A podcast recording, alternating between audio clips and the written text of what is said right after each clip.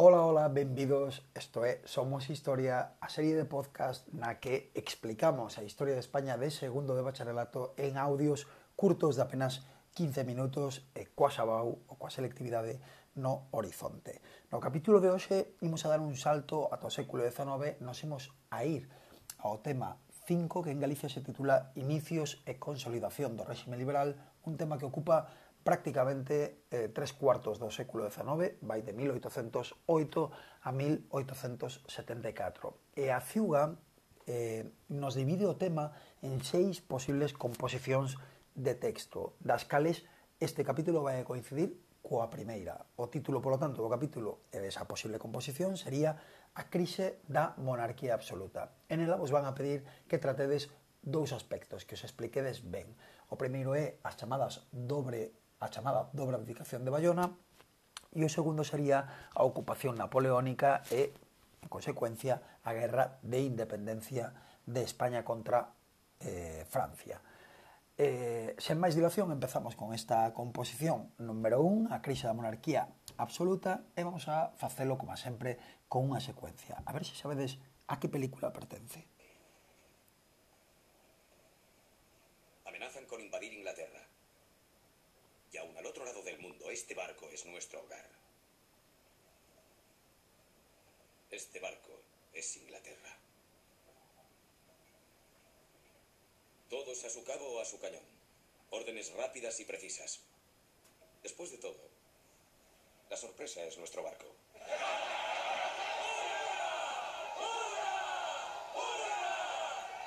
Bueno, Surprise é o nome do barco inglés que protagoniza esta película que maior moitos de vos recoñecesteis que é Master and Commander.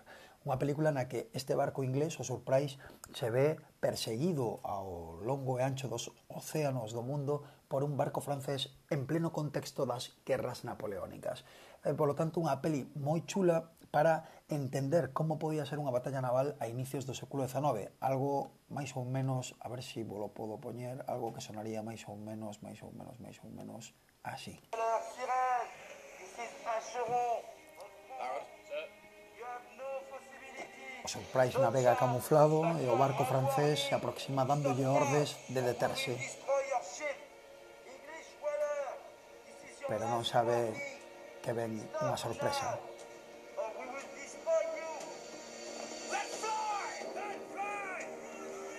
Arrían a bandeira inglesa, descubren a súa verdadeira identidade, se posicionan ao lado e comeza unha batalla que son así.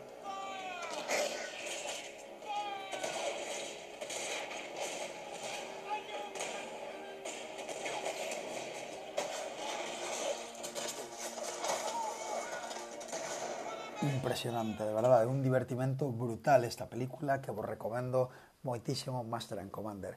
Bueno, quen quería invadir Inglaterra? Pois Napoleón, obviamente.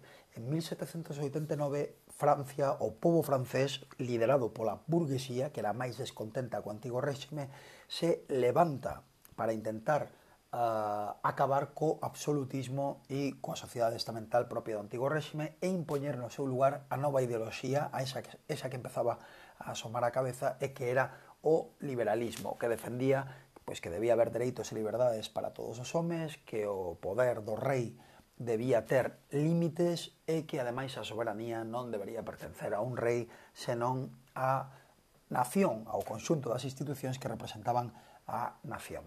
Ese liberalismo triunfa, esa revolución francesa triunfa, se guillotina de feito a rei, ao rei e a raíña e finalmente hai un general que destaca nas batallas que Francia está mantendo ao longo de Europa con outras monarquías absolutas que se rebelan contra Francia. No? E ese general é Napoleón Bonaparte. Napoleón obtén moitos éxitos e colleita un enorme carisma que fai que pensen nel para liderar a Francia revolucionaria. Así que en 1799, dez anos despois de iniciar a Revolución Francesa, xa temos a Napoleón no poder en Francia. E o caso é que Napoleón, como decía a secuencia, quería invadir Inglaterra. Ese primeiro intento de invasión o vai a facer en 1805, despois de uh, planificar cuidadosamente unha, eh, unha maniobra de despiste, de distracción, para intentar afastar aos barcos ingleses das costas británicas. Nese momento Napoleón está aliado con España, eh, a segunda potencia naval do momento, por detrás de Inglaterra precisamente, e esa alianza é a que se pon en, en, en valor para intentar esa maniobra de distracción, que sale mal. E como sale mal, remata nunha batalla fronte máis ou menos ás costas de Cádiz a batalla de Trafalgar E esa batalla significa dúas cousas. Un, que Napoleón non vai a poder, de momento, invadir Inglaterra. E dous, a perda da flota de barcos que España tiña para defender as súas costas e defender o seu enorme imperio de ultramar. De que maneira vai a poder España defender agora as súas colonias en América sen unha flota de barcos destruída polos ingleses?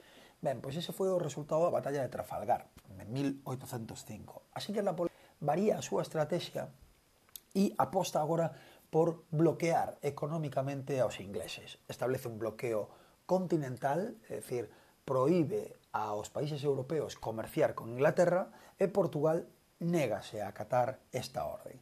Así que Napoleón, volvendo a esa alianza que ten con España, asina un tratado con Carlos IV, bueno, en realidad con Godoy. Con Carlos IV era o rei da familia Borbón, Nese momento en España, Godoy era o seu secretario, o seu valido, a persona na que delegara o goberno da nación. Pois Napoleón e Godoy asinan en 1807, solo dous anos despois de Trafalgar, o Tratado de Fontainebleau.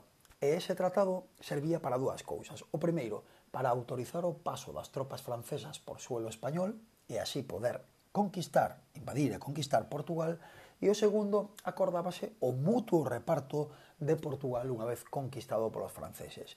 Mutuo reparto entre quen? Bueno, pois unha parte sería para Francia, a outra sería para España, e ollo porque unha terceira parte se creaba o reino dos Algarves, se creaba un reino no sur de Portugal que se lle concedía a Godoy, precisamente, o valido do rei. Isto vai a provocar, este acordo vai a provocar moita eh, envexa, moita desconfianza no fillo do rei, no fillo de Carlos IV, tal Fernando, que oiredes falar del moito a partir de agora, porque uh, desconfía do enorme poder, da enorme confianza que Godoy ten uh, a raíz do, do afecto e, e desa confianza que os reis lle dispensan. Así que, temendo eh, ese crecente poder de Godoy e temendo non poder acceder el quizás algún día a coroa, vai a comezar a intentar desacreditar tanto os reis como a Godoy coa intención de facerse el co poder o, o antes posible. Vale?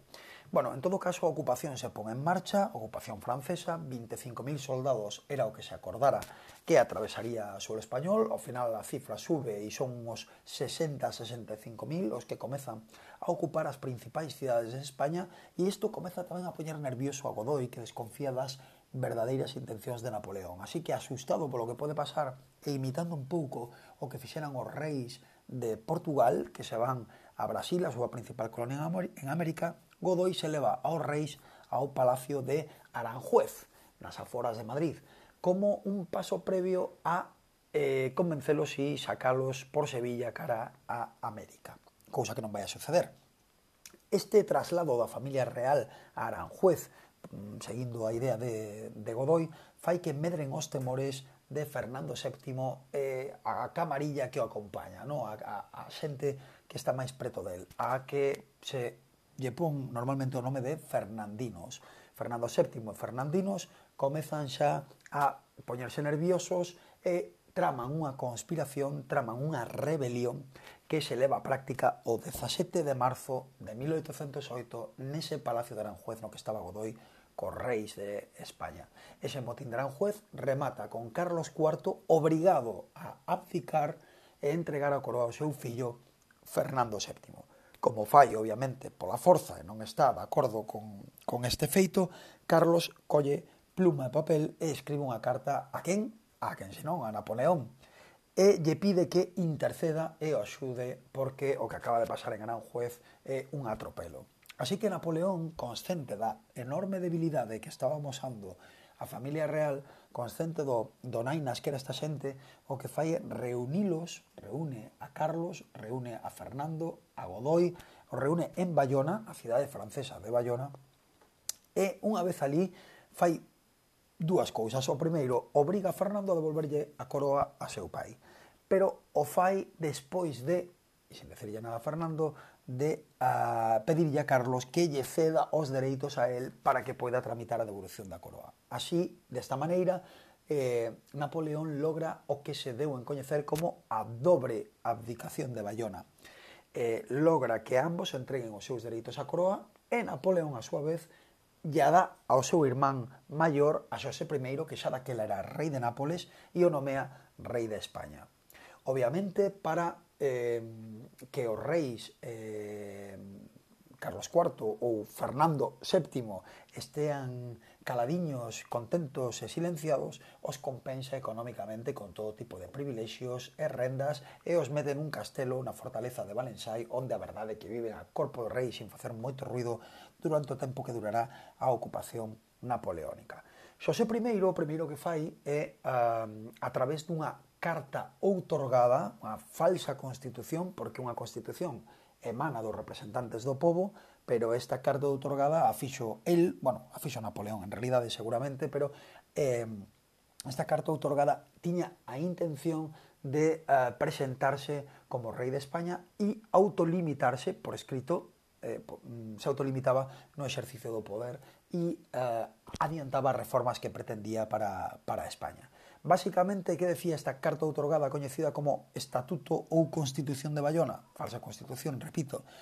Pois era básicamente conservadora e decía que en España habría unha monarquía donde o rei tería prácticamente todo o poder, algunha limitación, pero prácticamente todo o poder, eh, que era, eh, se respetaba como única religión oficial do Estado a religión católica, se trataba así de gañar o apoio dos españoles, e a partir de aí introducía algunhas novidades propias da Revolución Francesa, propias da ideoloxía liberal, como que suprimía os dereitos señoriais, atacando, polo tanto, así aos privilexios de nobreza e clero, isto fixo que gañara Xosé I a simpatía dos burgueses, eses que se van a converter en afrancesados. Recordade que afrancesados é o nome que se lle dá a aqueles que apoyaron a Xosé I no seu goberno de España, no seu reinado, porque pensaban que os franceses iban a modernizar dunha vez por todas o país e iban a acabar co absolutismo e co antigo réxime. Como digo, sobre todo, burgueses. Tamén eh, fixo desaparecer a Inquisición, eh, eliminou as aduanas para favorecer o comercio e intentou reformar o reparto do territorio, reformar a administración para unha mellor xestión do país. O sea, que Xosé I, con esta carta outorgada, intenta renovar o país, pero non vai obter apoio suficiente, non vai obter máis apoio que o dos afrancesados, porque os demais, o resto do povo, un, non van a tolerar a ocupación francesa e dous, van a estar manipulados pola nobreza e o clero para que se rebelen contra os franceses, xa que nobreza e clero temen totalmente perder os seus eh, privilexios con esta chegada dos franceses ao país. Bueno, xa temos entonces gran parte da, da, do tema explicado, en concreto da dobre abdicación, e agora nos vamos á ocupación. Estábamos con que a partir de 1808, a inicios do ano, comeza a ocupación francesa, o feito de que se leven a familia real a Bayona desperta un malestar enorme no, no povo, e o 2 de maio, o povo de Madrid se levanta en armas contra os franceses. Ollo, non o fan o exer, non o fai o exército español, senón que fai o povo de Madrid, é dicir, o fai a poboación de maneira instintiva, espontánea, natural, vendo o que está pasando, correndo o rumor do que do rumores do que está pasando, se levanta en armas co que teñen a man contra o exército francés, que no día seguinte, no 3 de maio, eh, estende sobre o povo de Madrid unha represión brutal, feroz, que eh, remata eh, con ese levantamento que tamén retratou Goya nos seus cadros o, o, o levantamento do 2 de maio e os fusilamentos do 3 de maio.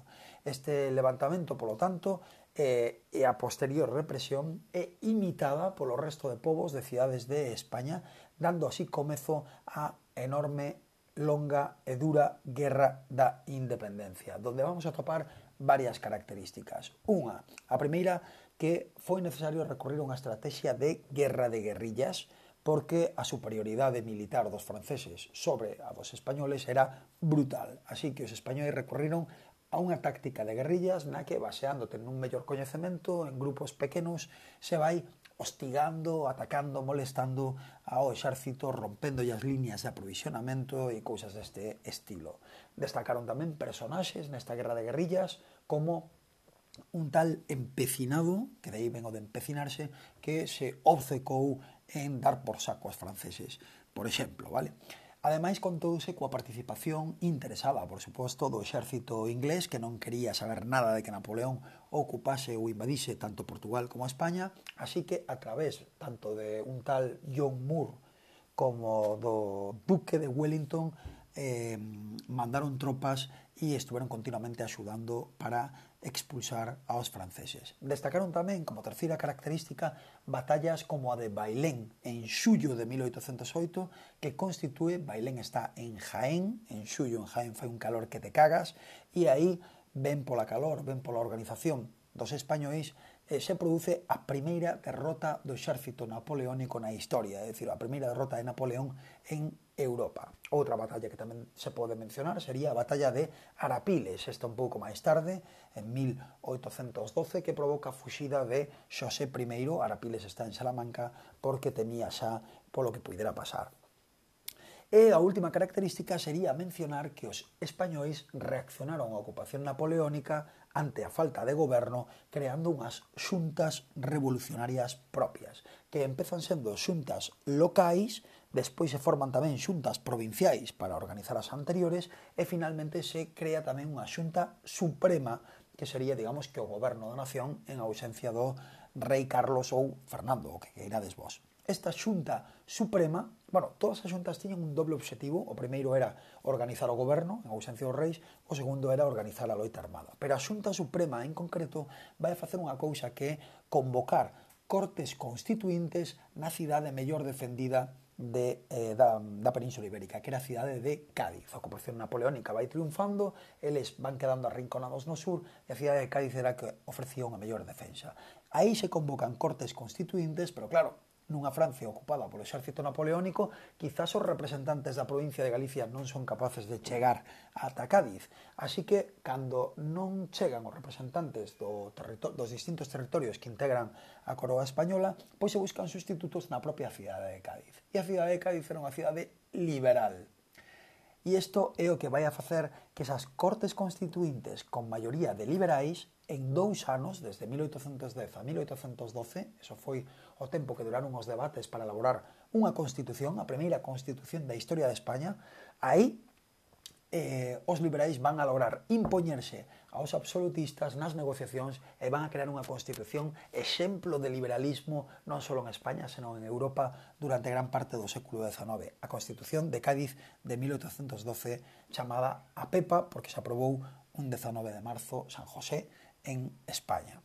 Vale, o caso é que eh, isto é o que logran facer en, en España os españois durante a ocupación napoleónica e como reacción e a Guerra de Independencia vai a durar de 1808 ata 1813 donde Napoleón, empecinado tamén en ocupar Rusia, anda que non tilla bastante Napoleón, comeza a retirar efectivos de aquí de España e a facilitar así a conquista de eh, a reconquista de España por parte de ingleses e españois. Comezan a darse varias derrotas francesas e en 1813 Napoleón asina o Tratado de Valensay, Valensay era a fortaleza onde estaban recluídos eh, Carlos e o resto da familia real e lle devolve o trono a Fernando VII que recupera a coroa despois da súa cagada, dobre cagada, tanto no motín de Aranjuez como na abdicación de Bayona. Ao seu regreso a España, eh, Fernando VII ten Uh, dúas alternativas. A primeira, xurar a Constitución de Cádiz, que se fixo para que el axurara como rei, é dicir, que aceptaban como, como rei ao seu regreso ou rexeitala, anular todo o que os, os das Cortes de Cádiz aprobaran e eh, volver á monarquía absoluta. Que pensades que fixo? Pois se en algún momento tuvo dúbidas, houve dúas cousas que o sacaron de dúbidas. A primeira foi o grito, o berro que máis escoitou Fernando VII ao seu paso polas cidades españolas por parte da poboación, unha poboación basicamente analfabeta e hábilmente manipulada pola nobleza e o clero. E ese berro era «Vivan las caenas!», que era algo así como «Apártanos estos liberais que son un perigo para a religión e para a tradición e para como sempre se fixeron as cousas e restaura, por favor, o absolutismo». Isto foi o primeiro que o animou a facelo. Perdón. E o segundo que animou a facelo foi a entrega dun texto coñecido como Manifesto dos Persas, donde deputados absolutistas lle piden que, por favor, anule todo o que se fixo en Cádiz e restaure o absolutismo. Así que, con unha e outra, Fernando VII, en efecto, decreta anulación da Constitución de Cádiz, se nega a aprobala e decreta a volta á monarquía absoluta. Así que, seis anos de loita contra os franceses, despois da cagada, dobre cagada de Fernando VII para nada, para, para que este eh, Fernando VII, el deseado, restaure a monarquía absoluta, restaure o antigo réxime, os privilexios de nobreza e clero e acabe coas esperanzas dos liberais que tanto loitarán en España.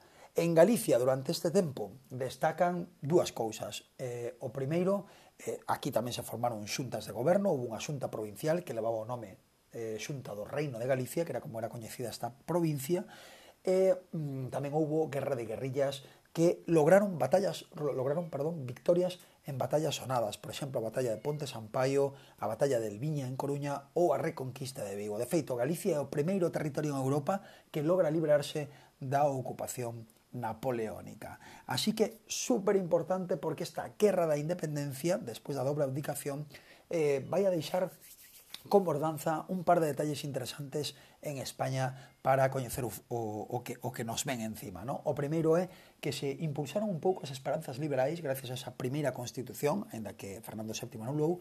O segundo é que a presencia dun invasor estranxeiro motivou a, o nacemento dun nacionalismo español, algo que non estaba tan claro antes da ocupación napoleónica, que a Constitución de Cádiz, a pesar de ser anulada, se converteu en exemplo para outros países que tamén querían implantar o liberalismo e, en definitiva, que o absolutismo volveu na eh, persoa de Fernando VII, pero xa nunca vai a volver a ser o mesmo, sempre vai haber a esperanza entre determinados españois de rebelarse e facer xurar ao rei aquela Constitución de Cádiz que se fixera na súa ausencia. Sobre todo, militares con pronunciamentos van a ser os que máis intenten volver a, ese intent, a, a esa oportunidade de aprobar a Constitución de Cádiz. Me quedou un pouco máis longo, pero espero que vos quedase tamén eh, unha explicación interesante, amena e que vos axude a entender este, este tema da crise da monarquía absoluta. Nada máis, nos vemos no seguinte, chao, chao, moito ánimo.